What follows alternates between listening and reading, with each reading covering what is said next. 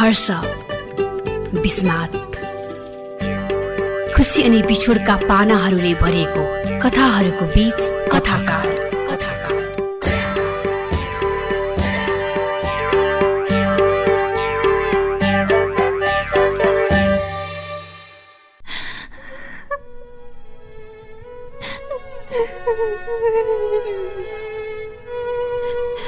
आठ महिना अघि उसले एयरपोर्टबाट रुँदै मलाई फोन गरेकी थिए। नितेश अहिले आएर मलाई जानै मन लागेन। मेरो पनि आँखा रसाएको थियो। नजाउ स्नेहा मलाई भन्न मन लागेको थियो। तर मनको कुरो मेरो किलकिलीमै रोकियो। तिमीले त्यहाँ जाने धेरै इच्छा बोकेको थियो। त्यसलाई सम्झ तिमी जाऊ। I will miss you phone राख्नु अघि उसले भने। उनको फ्लाइट उड्यो। हामी बीच धेरै भिन्नताहरू आउन थाले। मुख्य भिन्नता समयको थियो। मेरो दिन उसको रात बनिसकेको थियो। हामी बीच धेरै कम कुराहरू हुन थाले। आठ वर्षदेखिको हाम्रो सम्बन्ध यो आठ महिनामा अस्सी प्रतिशतभन्दा बढीले कम भइसकेको थियो। म उनलाई फोन गर्थेँ ऊ सुतेकी हुन्थे। नितेश धेरै थाकेको छु। सुत्छु है। आई मिस यु मैले भन्थेँ। ऊ त्यसको रिप्लाई पनि नदिई निदाउँथे। ऊ गएपछि एक्लो भएको थिएँ म। मेरो साथीहरू पनि त्यति थिएनन्। जे थिए उही थिए। म टोलको केटाहरूसँग क्रिकेट खेलेर समय बिताउँथे। मेरो प्लस टू सकियो। एक दिन बुवालाई गएर जोसै जोसमा भने बा म पनि अमेरिका जान पर्ला? बुवाले हाँस्दै भन्नुभयो मलेसिया जान अमेरिकामा मलेसिया भन्दा धेरै पैसा कमाइन्छ। बुवाले फेरि मुस्कुराउँदै जवाफ दिनुभयो। मलेसिया जान अमेरिका जान जति पैसा पनि त लाग्दैन। लाटो। म रिसाउँथेँ खान मन गर्थिनँ। मलाई मम्मीले सम्झाउनुहुन्थ्यो दिदीको बिहेको ऋण तिर्न सकेको छैन। कस्तो हाम्रो दुःख नबुझेको तैले भन् त। मैले उहाँहरूको दुःख बुझेको थिएँ। टाढा भइरहेकी स्नेहाको अझ टाढा हुने डरले मलाई सताउँथ्यो। उसलाई दैनिक फोन गर्थेँ। प्राय उसको फोन उठ्दैनथ्यो आइएसटी फोन गर्ने पसले दाइले समेत गिज्याउन थाले। अर्कैसँग मक्ख परिसकेकी होली? मैले उनको कुराको प्रतिक्रिया कहिले दिइनँ। तर त्यो शब्दहरू मनमा निकै बिस्थ्यो मलाई। मेरो दिदीलाई भने मेरो चिन्ता थाहा थियो। बेला बेला काम परेर उसको घरमा गइरहन्थे म। ऊ मलाई फकाउन खोज्थे। कहाँ बिर्सिन्छ हौ तँलाई? सान्त्वना दिँदै भन्थे दिदीले। भिनाजुको अगाडि भने यो कुरा गर्थिन किनकि भिनाजुले त गएदेखि नै अब तँलाई बिर्सिन्छे भनेर सेटार मार्थे मलाई। त्यतिखेर मैले बुवाको घडी आफ्नै नाडीमा बाँधेको थिएँ। उसलाई फोन गर्न समय हेर्थे त्यसमा। मेरो घडी कता राखेछु? बुवा खोजिरहनुहुन्थ्यो आफ्नो घडी। म केही बोल्थिन। एक दिन टोलमा केटाहरूसँग बिहानै क्रिकेट खेल्दै थिए। घडी हेरिरहेको थिएँ। ऊ कामबाट फर्केर सुत्ने बेला हुनु अघि उसलाई फोन गर्न पसलतिर कुद्नु थियो। तर त्यस दिन मलाई बुवाको घडीले धोका दियो। घडीको ब्याट्री सकिएछ। कुन बेला सकिएको थाहै थिएन। म फटाफट खेल आधामै छाडेर भागे। पसल पुग्ने बित्तिकै पसले दाइले कराउन थाले। ए नितेश! त्यो अघि फोन आएको थियो। त छिटो हस्पिटल गइहाल त। के भयो दाइ? मैले सोधेँ। तेरो बुवालाई ट्रकले खिचिदियो रे। लु जा त मेरो शरीर एक्कासी काँप्न थाल्यो। म केही नसोची हस्पिटलतिर कुद्न थालेँ। बाटोमा एकजना छिमेकी रामदाई भेटिनु भयो उहाँ हस्पिटलबाट मलाई लिन नै आउनु भएको रहेछ। मलाई केही भन्नु भएन बुवालाई कस्तो छ दाई? के भएको? दाई केही बोल्नु भएन हस्पिटलको गेटमा रोक्ने बित्तिकै म कुदेर भित्र छिरे। भित्र छिर्दा नछिर्दै मम्मीको डाको छोडेर रोएको आवाजले मेरो कान छेड्यो। मैले उहाँलाई रोएको देखेर खोइ के बुझे के गरौँ के नगरौँ पत्तै भएन मनी रुन थाले। धेरै बेर रोएपछि एकचोटि नजर आफै बुवाको घडीतिर गयो। समय हाम्रो परिवारको लागि सायद त्यही थामिएको थियो।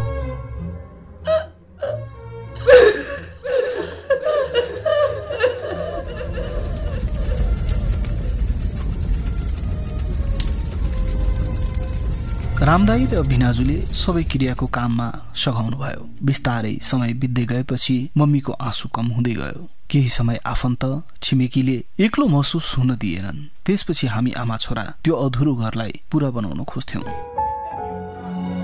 घरको अवस्था कमजोर थियो मलाई थाहा थियो तर मम्मीले मलाई पढाइ पुरा गर्न भन्नुभयो। म त्यही गर्न थालेँ। मैले स्नेहालाई फोन गर्न ठ्याप्पै छाडिदिएँ। तीन महिनापछि उसले खोइ कताबाट थाहा पाइछे? पस्ले दाईलाई खबर छाडेकी रहेछ उसलाई फोन गर्न भनेको। उसलाई फोन गरे। त्यो बेला अबेर गरिन उसले उठाइहाले। नितिश मलाई थाहा भएन। रुन्चे स्वरमा उसले भनी म रोइदिएँ। धेरै पछि उसँग कुराकानी भएको थियो त्यो। त्यही दिन मैले सोधेँ तिमीले मलाई बिर्सिएको हो? होइन उसले भनी। त्यस दिनपछि हाम्रो फेरि दैनिक कुराकानी हुन थाल्यो। तर केही समयको लागि मात्र थियो त्यो कुराकानीका क्रम। उसले मलाई क्षणिक समवेदना मात्र पोखेकी रहेछ मलाई म खोइ किन हो बदलिएको महसुस हुन थालेको थियो। घरमा थुप्रै समस्याहरू थिए। आर्थिक रूपमा रामदाईले हामीलाई धेरै नै गरेको हो। पढ्न मन लाग्न छाड्यो। जुनै बेलामा पनि दिमागमा अनेकन कुराहरूको ताँती दौडिन्थे। दिल्ली बस्ने एकजना छिमेकी दाई हाम्रो गाउँ आउनु भएको थियो। उहाँसँगै दिल्लीमा केही काम गर्न भए पनि मलाई लग्नु न मैले भने। काम त हुन्छ जाने भए हिँड सागर दाईले भन्नुभयो। तर यही पढ पढेको राम्रो हो। मैले क्रिकेट खेल्न नि छाडिदिएँ। घर छेउको पोखरीमा गएर खुट्टा डुबाएर बस्थेँ। घन्टौ बसिरहन्थेँ। एक दिन पसले दाईकोमा केही सामान किन्न गएँ। दाई पैसा पछि दिन्छु है। रामदाईसँग मागेर ल्याइदिए नि त च्याटिएर भने बुढाले। रामदाईले किन? मैले रिसाएर सोधेँ तेरी आमाको लागि त्यत्रो खर्च गर्दैछन्। तैँले भनेको मानिहाल्छन् नि। मलाई पसलेले भनेको कुराले पारा ततायो। मलाई राति निन्द्रै लाग्न छाड्यो। सबैले मलाई बाउको न्यास्रोले दुब्लायो भन्न थाले। एक दिन बजारतिर निस्किएको थिएँ। दारी बढेको थियो। दारी काट्दै थिएँ पछाडिको एनाबाट मैले मम्मीलाई देखेँ हातमा सामान बोकेर मुस्कुराउँदै रामदाईको बाइकमा बस्नु भएको थियो।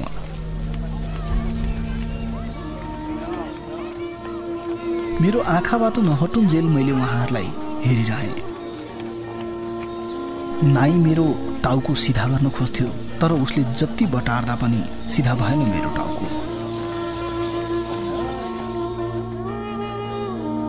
फर्केर पसले दाईकोमा साबुन किन्न पसेँ पैसा पछि दिन्छु मैले भने पसलेले फेरि मुस्कुराउँदै भने राम दाईसँग माग भनेको मान्दैन।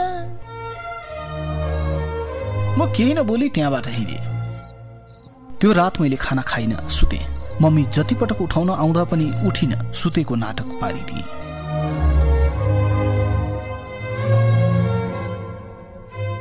दिल्लीबाट आका सागर दाई चोकमा दिल्ली फर्कन गाडी चढ्न पर्खिरहेका थिए। मनी त्यहाँ पुगे। मेरो हातमा झोला देखेर दाई अचम्म मान्दै थिए। पैसा बोक्या छस्? कम छ दाई मेरो खर्च गरिदिनु। म म तिर्छु दाई हजुरलाई। चित्त बुझायो उनले।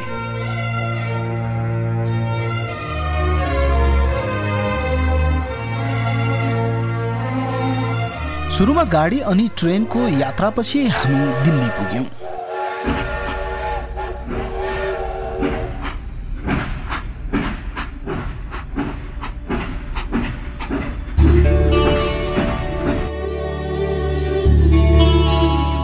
सुनसान गाउँभन्दा कैयन कोष टाढा र कैयन कुराहरूमा फरक थियो त्यो सहर। म सागर दाईसँग बस्न थालेँ। म खाना पकाउने भाँडा मस्काउने गर्दथेँ अनि दिनभरि सागर दाईसँग लटरी खेलाउने काम गर्थेँ।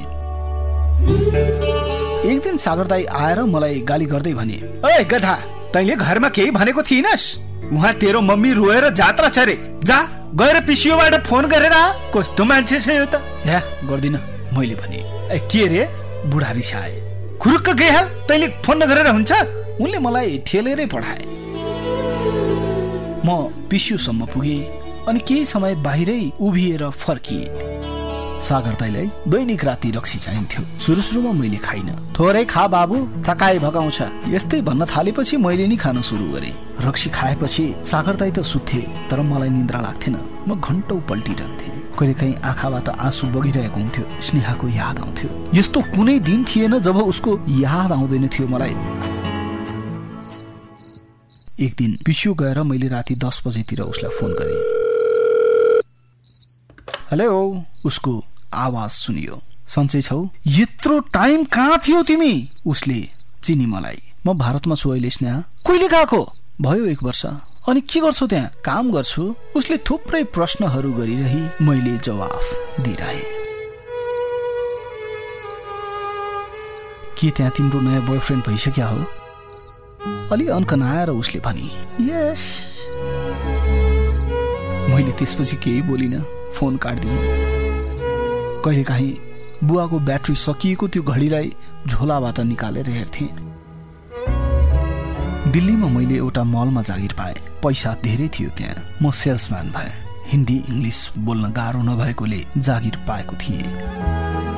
सागर दाई पछि नेपालै फर्कियो। उता बिहा गरेर उतै व्यापार गर्ने सोचले एक काम से काम बिहेमा त हिँड ऊ भन्थ्यो। एक्लै बस्न थाले। कहिलेकाहीँ साइबर गएर याहु चलाउँथे। गर्दिन गर्दिन भन्दा भन्दै पनि महिनामा एकचोटि स्नेहालाई फोन गर्न मन लाग्थ्यो। हेर्दा हेर्दै घर छाडेर इन्डिया आएको पनि पाँच वर्ष पुगेछ। मोबाइल किनेको थिएँ। तेरो आमाले तँलाई फकाएर बोलाइदिए भन्नुहुन्छ सागर दाई भन्नुहुन्थ्यो। फकाएर फकिने भएको भए त म स्नेहालाई फकाउँथ्यो होला।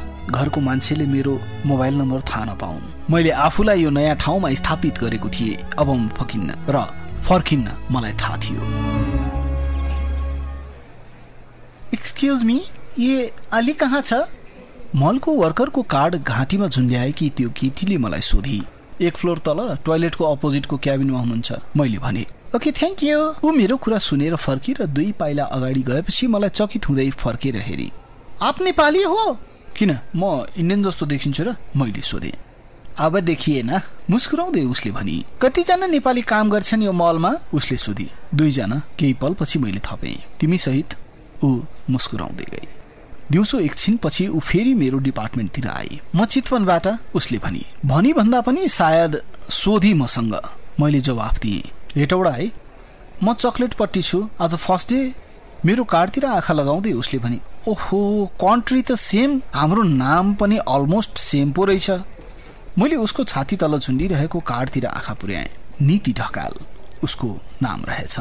जेन्डर डिफ्रेन्स छ हाम्रो। ऊ हाँसी। कहाँ बस्छौ कति भो काम गरेको उसले सबै सोधी खोजी गरे फर्मालिटी पुर्याउन भए पनि मैले उसको सोध्नै पर्यो। यहाँ पेइङ गेस्ट बस्ती रहेछ साथीसँग आएकी दिल्लीमा छ महिना भयो। त्यो रात कोठामा रक्सी पिउँदै थिए। सागर दाईले फोन गर्यो। ओए गधा त मामा भइस। मैले भर्खर थाहा पाएको। मैले कुनै प्रतिक्रिया दिन सकिन केही बोलिन। अरे अब त आइज। आफ्नो दिदीलाई भेट्न। पछि आउँला दाई। त गधा नसुध्रिने भइस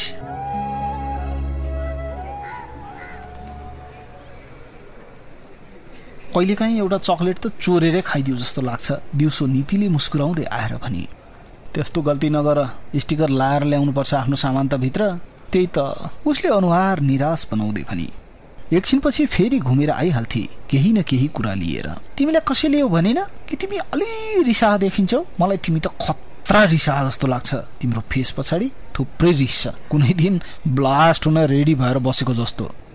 म नेपाली भएर मात्र उसँग राम्रोसँग बोलिरहेको थिएँ। तर बेला बेला आएर इरिटेट गर्न थालेकी थिए ऊ मलाई। कराइदिउँ जस्तो लाग्थ्यो। तर बिचरीलाई के डराइदिनु? कति वर्ष पुग्यौ? चौबिस मैले भने। तिमी सत्ताइस उसले मुस्कुराउँदै भने बिहा गर्ने बेला भएछ त मैले भने। आइएम म्यारिड उसले भने। उसको कस्टमर आएछन् ऊ कुदेर गई बेलुका ड्युटी सकिसकेपछि सेक्युरिटी चेक हुने लाइनमा हामी सँगै भएछौँ हामी सँगै निस्कियौँ। अनि हस्बेन्ड खोइ त? मैले सोधेँ। हाम्रो ब्रेकअप भइसक्यो आमा डाभर्सी उसले भनी। बोकेर गाडी चढाएको थिए कि कुदेरै चढ्यो? ऊ अकमक्क परी। मैले फेरि त्यही सोधिदिएँ। उसले बुझी बोकेर चढेको भए त अहिले बाउकी घरमा गएर बसिहाल्थे नि। मैले केही भनिनँ। तिमी हाँस्दैनौ? उसले भने तिमीले कुनै जोक भन्यौ र? होइन तै पनि। एउटा स्माइल त दिन सक्छौ नि यार। मैले केही भनिनँ। साँझ गफ गर्दै उसँग स्टपमा पुगेँ गाडी आयो। उसको र मेरो रुम जाने बाटो एउटै गाडीमा जान पर्थ्यो। दुवै चढ्यौँ। अगाडि महिला सिट खाली थियो। जाऊ बस। मैले भने। अनि तिमी? तिमी बस। यो त खाली भएपछि म बस्छु। भाइको के बस्नु? ऊ उभिरहेकी थिए कि ठ्याक्क कन्डक्टर आएर उसलाई गाली गरेर त्यहाँ बस्न लगायो। खिस्रिक्क पर्दै उ मेरो टिकट पनि उसैले काटिदिए अनि आफ्नो स्टप आएपछि बाई गरेर गई। खासै रूपको त राम्री होइन ऊ। मुस्कुराउँदा ठिक ठिकै देखिन्थे मुस्कुराइरहन्थे। त्यसपछि बेलुका बेलुका सँगै फर्किन थाल्यौँ। अब ऊ चुपचाप कन्डक्टरले केही भन्नु अघि नै महिला सिटमा गएर बस्थे। म प्राय उभिन्थे। बोलिरहन्थे हाँसिरहन्थे। उमेरमा म भन्दा बुढो भए पनि हरकत बच्चाहरूको जस्तो लाग्थ्यो उसको। तिम्रो डाइभोर्स चाहिँ किन भएको? मैले एक दिन सोधेँ। मन नमिलेर बिहा चाहिँ किन गरेको त? मन मिलेर नि मुस्कुराउँदै उसले भने लाइफलाई यति केयरलेस गरेर बाँच्दै रहेछ उसको श्रीमानलाई पक्कै पनि यो पचेन। बाबुआमाको पनि खुब चित्त दुखाएको हुनुपर्छ यसले। नत्र यसरी अलपत्र पारेर कसैले छाड्थ्यो होला त? पेइङ गेस्टमा त खाना मिठै हुँदैन। एक दिन मलाई उसले भने होटलमा खाऊ? ओ हेलो म आफै मिठो पकाउँछु। पिजीमा भन न त म पकाउँछु भनेर। मानेनन्? भने त हो नि। ऊ मसँग धेरै फ्रेङ्क भइसकेकी थिए। उसलाई मैले एउटा ढाबामा लगेर खाना खुवाएँ त्यो दिन। ए साँच्ची तिम्रो गर्लफ्रेन्ड छैन? उसले सोधी। छैन। मैले भने। नबनाऊ नबनाऊ। उसले भने। खाना खाँदै गर्दा उसले भने तर योभन्दा मिठो खाना त मै बनाउँछु। थाहा छ? मेरो ड्याडीले मैले पकाएको दिन थपेर खानुहुन्थ्यो। मात्र मैले बनाएको दिन। वेट गर कुनै दिन चखाउँछु तिमीलाई। छुट्टिँदा मैले उसलाई भने नीति तिमी एक दिन मेरो रुम आएर खाना पकाउन सक्छौ। हेरौँ तिमीले गफ मात्र धेरै दिन्छौ कि साँच्चैकै राम्रो खाना पकाउँछौ? ऊ केही बोलिन। म साथी लिएर आउँछु है। उसले भने चारजना? मात्रै? मैले सोधेँ। मेरो रुममेटहरू सबै क्या? उसले मुस्कुराउँदै भने हुन्छ हुन्छ। भोलिपल्ट अफ थियो। म उसको चारजना साथीहरूलाई दिउँसो रुमसम्म पुगाएर बाहिर निस्किएँ। उनीहरू भएसम्म म घर जान्न थिएँ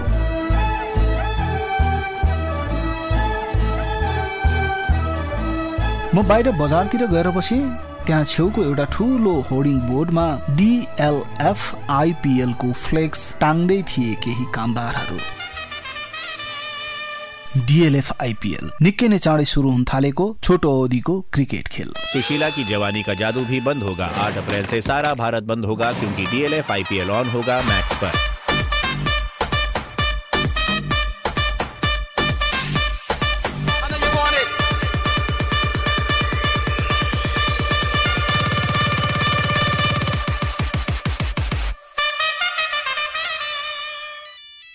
नीतिले खाना पाकियो भनेर कल गरी तर म गइन। राति उसले म्यासेज पठाए लु छाडिदिए तिम्रो रुम अब आऊ। साँचो त्यही जुत्ता ऱ्याकमा राखेकी थिए। रुम त चिटिक्क पारिएको रहेछ। किचन गए बास्ना वास्तवमै मिठो थियो। त्यो दिन मलाई के अपुग के अपुग भए जस्तो लाग्यो किनकि मैले खाना पकाउनु परेन। उसले भनेको साँचो रहेछ।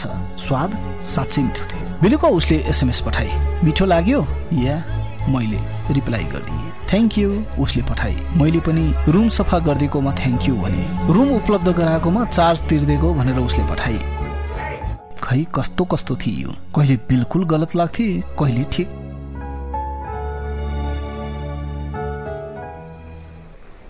भोलिपल्ट मुस्कुराउँदै मेरो डिपार्टमेन्टमा आए। आँखा चिम्म गर त उसले भने। किन? मैले सोधेँ। गर न उसले भने। मैले आँखा चिम्म गरेँ। अब खोल त। आँखा खोल्दा उसको हातमा घडी थियो। चलिरहेको बुवाको त्यो घडी। पुरानो मोडलको रहेछ। यसको ब्याट्री खोज्न टाइम लाग्यो। हिजो भेटेको तिम्रो खाट सफा गर्दा। मैले एकछिन घडीतिर हेरेँ। साला किन हो? मलाई त्यो घडीको सुई हल्लेको एकदमै मन परेन। एक्कासी के भयो खोइ कुन्नी मैले उसलाई एक झापड हानिदिएँ। मैले त्यो घडीको ब्याट्री झिक्न खोजेँ। ऊ मलाई हेरिरहेकी थिए। मैले घडीलाई कराएँ। फोड्न खोजेँ। ऊ रुँदै आफ्नो डिपार्टमेन्टतिर गए। छेउको डिपार्टमेन्टका अर्का इन्डियन केटी मतिर हेरिरहेकी रहेछ। मैले उतिर फर्किएपछि उतर्सी म केही बेरपछि शान्त भएँ। कस्टमरलाई सामान देखाउँदै गर्दा नीतिको डिपार्टमेन्टतर्फ आँखा गयो। पाँच छजना स्टाफ उसलाई घेरेर बसिरहेका थिए। ऊ रुँदै थिए।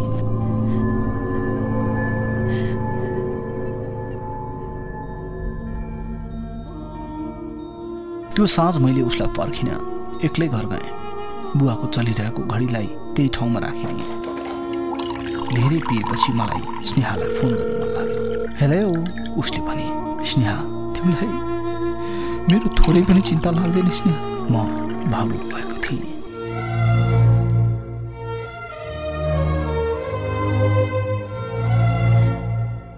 आर यु ड्रङ्क उसले सोधे। Yes yes I am drunk Sneha आज तिमीलाई एउटा कुरा सोध्छु है। मैले भने मेरो बोली काँपिरहेको थियो। सोध न उसले भने।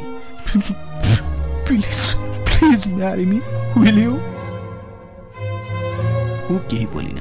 स्नेहा मेरो लाइफ तिमी र अधुरो छ Sneha. Please marry me Sneha. Please marry ऊ फेरि केही बोलिन। मेरो कोही छैन स्नेहा। कोही छैन। तिमीले मलाई एक्लो बनाएर गएकी छौ। एक्लै बाँच्दा बाँच्दा थाकिसके प्लिज।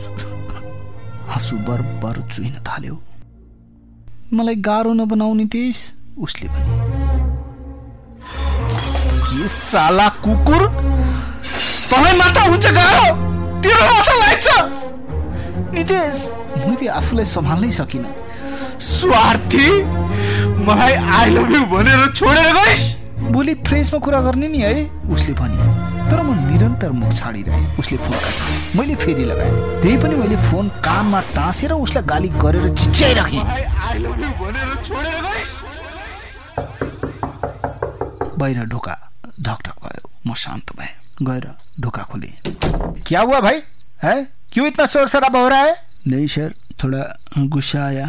दोस्त पे इसीलिए सॉरी सॉरी ए तुम तो बहुत शांत था। आज क्या हुआ? उसले भन्यो मैले केही भनिनँ। लगता है आज कुछ ज्यादा ही पीली है। टेक केयर गुड नाइट घरबेटी त्यति भनेर गयो म चुपचाप आएर सुतेँ। भोलिपल्ट नीति मलाई आइन चक्लेट डिपार्टमेन्टमा अर्कै केटी उभिएको देखेँ। मैले वास्ता गरिनँ। पछि चिया खाने टाइममा थाहा पाएँ उसले काम छाडेर गएछ बच्चै थिए बच्चेको जस्तो व्यवहार गरी। कामै छाड्नु पर्छ त तर यति सोचेर मेरो मनले चयन पाएन। खिन्नता झन् बढ्दै गयो। चिया पिउने टाइममा अरू स्टाफहरूले मतिर हेर्दै थिए कसैले केही भनेनन्। म आजकल अलि धेरै नै पिउन थालेँ। एक दिन त ह्याङओभरमा अफिस पनि जान सकिनँ।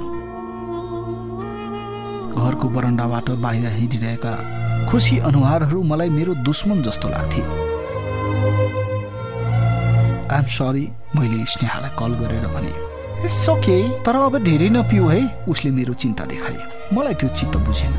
मैले फोन काटिदिएँ। यत्र धेरै नपिउ त्यो दिन दिउँसैबाट एक फुल पिउन थाले। पुरै जित्याएँ नीतिलाई थर्काउन मन लाग्यो। हेलो। हेलो। डाइभोर्स भएको केटी बोलेको हो। ऊ केही बोलिन। फोन पनि काटिन। म आज मर्दैछु भन्नलाई फोन गरेको। म आज मर्दैछु। मैले भने तिमी बच्चा हो बुझ्यौ? टेन्सन हुँदा जब छाड्छौ? म ठुलो भइसकेँ। म टेन्सन हुँदा दुनियाँ छाड्छु दुनियाँ। गुड बाई यति भनेर मैले फोन काटेर पिसाब फेर्न जाँदा फोन पनि टोयलेटको पालमै हालिदिएँ। दुनियाँ छाड्छु दुनियाँ। एक्लै खै के बडबडाउँदै थिएँ बाहिरबाट ढकढकको आवाज आयो। गएर ढोका मात्र के खोलेको थिएँ म लडेछु। बिहान उठ्दा म छक्क परे तिमी? नीति मलाई हेरिरहेकी थिए। याद छैन होला पक्कै पनि। उसले कागती पानी खुवाई मलाई। मैले बिहानसम्म पनि भोमिट गरेछु। बेलुका नीतिको काखैमा वाकेछु। ऊ मेरो प्यान्ट लाएर बसेकी थिए। अफिसबाट कति फोन आयो होला। म स्नेहासँग कुरा गरिदिउँ उसले भने मैले उतिर पुलुक्क हेरेँ। याद छैन होला पक्कै पनि? उसले भने अनि मुस्कुराउँदै भने एङ्ग्री यङ म्यानको पछाडि यस्तो खतरा लभर भयो? मैले अरू के के भने भमिट नै गर्यो। पेट मन खाली गर्यो उसले भने म केही बोलिनँ। उसले सबै सफा गरिदिए। साँझ परेपछि भने अब म जान्छु है। रुक म पुर्याइदिन्छु। आइएम सरी मैले भने के का लागि? सब थोकका लागि। एउटा शर्तमा माफ गरिदिन्छु। उसले भने के? मैले सोधेँ। तिमी क्रिकेट बुझ्छौ? उसले सोधी बुझ्छु। मैले भने। त्यसो भए मलाई क्रिकेट बुझाइदिनुपर्छ है। म त फिटिक्कै केही बुझ्दिनँ। हुन त खेल्ने मूर्ख हेर्ने महामूर्ख भन्छन्। त्यही नै हेर्न मन छ बुझ्न मन छ। कस्तो रोहर लाग्यो क्रिकेट बुझ्न। ओके हुन्छ म बुझाइदिन्छु। भोलि आइपिएल म्याच छ दिल्ली र राजस्थानको। मैले दुईवटा टिकट अस्ति नै काटिसकेको छु। तिम्रो साथीहरूलाई थाहा होला नि त क्रिकेटको बारेमा। मैले भने। मेरो प्रश्न सुनेर उसले पहिला नाखुम्च्याए अनि भने ओह नो मेरो साथीहरूको कुरै छोडिदेऊ। थाहा छ तिनीहरूले त आइपिएललाई आइपिएल भन्छन्। उसको कुरा सुनेर म मुसुक्क हाँसेछु। उसले च्याप्प मेरो पाखुरा समातेर मलाई आफूतिर फर्काए। एक मिनट एक मिनट उसले भने। के भयो? मैले सोधेँ। के तिमी भर्खर हाँस्या हो? मैले केही बोलिनँ। म मुस्कुराएको मलाई पत्तै भएन। हामी उसको पेइङ गेस्टको गेटसम्म पुग्यौँ। ल गएँ म। उसले भने म केही बोलिनँ। बाई। ऊ गेटतिर लम्की नीति मैले बोलाएँ उसलाई। उसले फर्केर हेरे यदि तिमीलाई अप्ठ्यारो लाग्दैन भने के आज म सँगै जान्छु फेरि? ऊ केही बोलिन। उसको आँखा ठुलो भएको थियो। म के गर्छु आफूलाई थाहा छैन। उसले कुनै प्रतिक्रिया दिइन सायद मैले गलत बोले। ऊ मेरो कोठामा आएर किन बस्थे? ऊ निकै बेर मौन भएपछि मैले भने इट्स ओके म फर्किएँ। दस पाइला जति हिँडेको मात्र के थिएँ उसले बोलाइ नितेश चेन्ज गरेर आइहाल्छु है। वेट वेट जाउँ उसले भने बाल्कोनीबाट उसको एक हुल साथीहरूले हेरेको दृश्य मैले देखेँ। के भनेर आयो साथीहरूलाई मैले सोधेँ। आज म नितेशको कोठामा सुत्छु। उसले सिधै जवाफ दिए मैले उतिर हेरेँ उनले मतिर। मैले राति दुईटा बेड लगाएँ। हामी दुईतिर पल्टियौँ। त्यो रात मैले पिइनँ। भोलि म्याच छ थाहा छ नि? उसले भनी। थाहा छ।